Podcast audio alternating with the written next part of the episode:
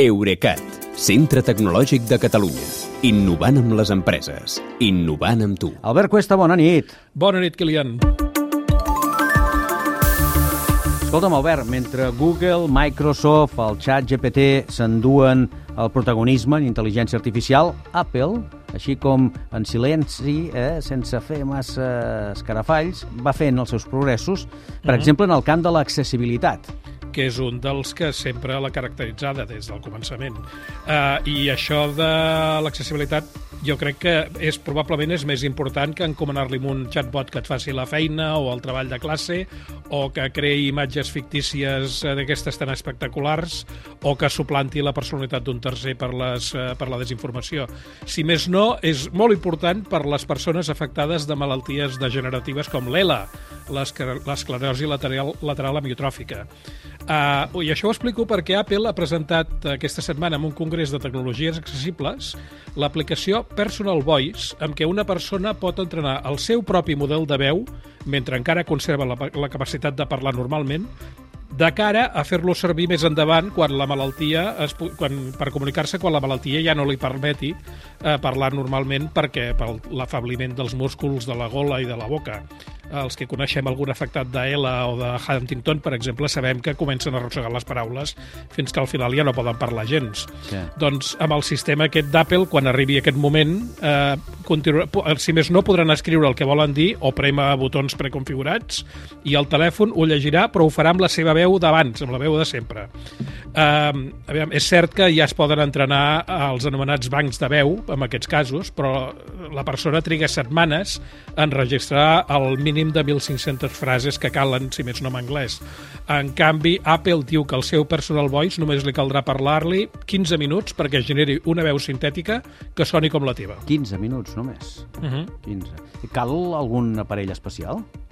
Uh, no, uh, Personal Voice es pot entrenar, es podrà entrenar amb un Mac, amb un iPhone o amb un iPad. Només cal que tinguin processador Apple això descarta els Macs més antics, uh, i això és perquè tot el processament té lloc dins del mateix aparell i sense accedir al núvol uh, per motius de privadesa.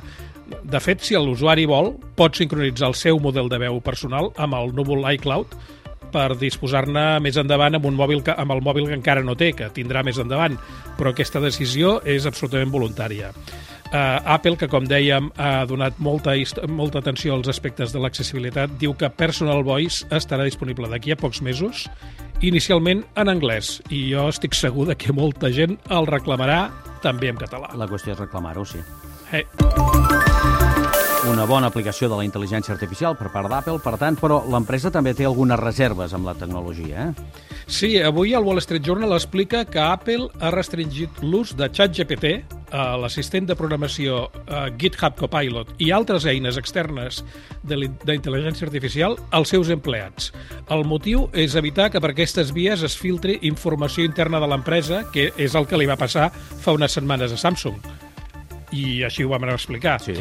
Tot i això, eh, no vol dir que Apple i el seu ecosistema siguin al·lèrgics als chatbots, perquè tot just avui també OpenAI ha publicat la seva primera aplicació de ChatGPT, l'aplicació pròpia, eh, només als Estats Units i només per a iPhone és d'esperar que acabi arraconant aquesta aplicació les moltes d'origen més o menys dubtós que estan aprofitant fins ara la popularitat de ChatGPT i que ja algunes tenen milions de descàrregues.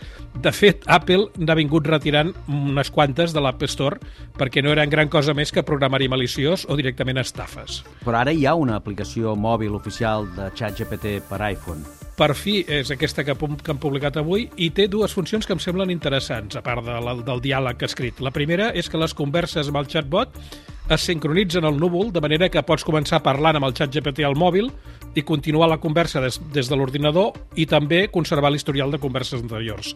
I la segona funció encara trobo que promet més, perquè consisteix en que pots interrogar el xat GPT parlant-hi, amb la veu, gràcies al sistema de reconeixement de veu Whisper, que també és de la mateixa OpenAI.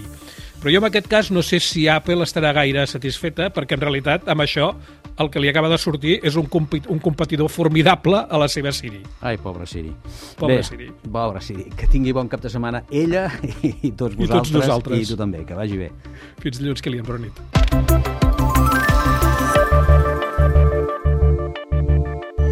Eurecat, Centre Tecnològic de Catalunya.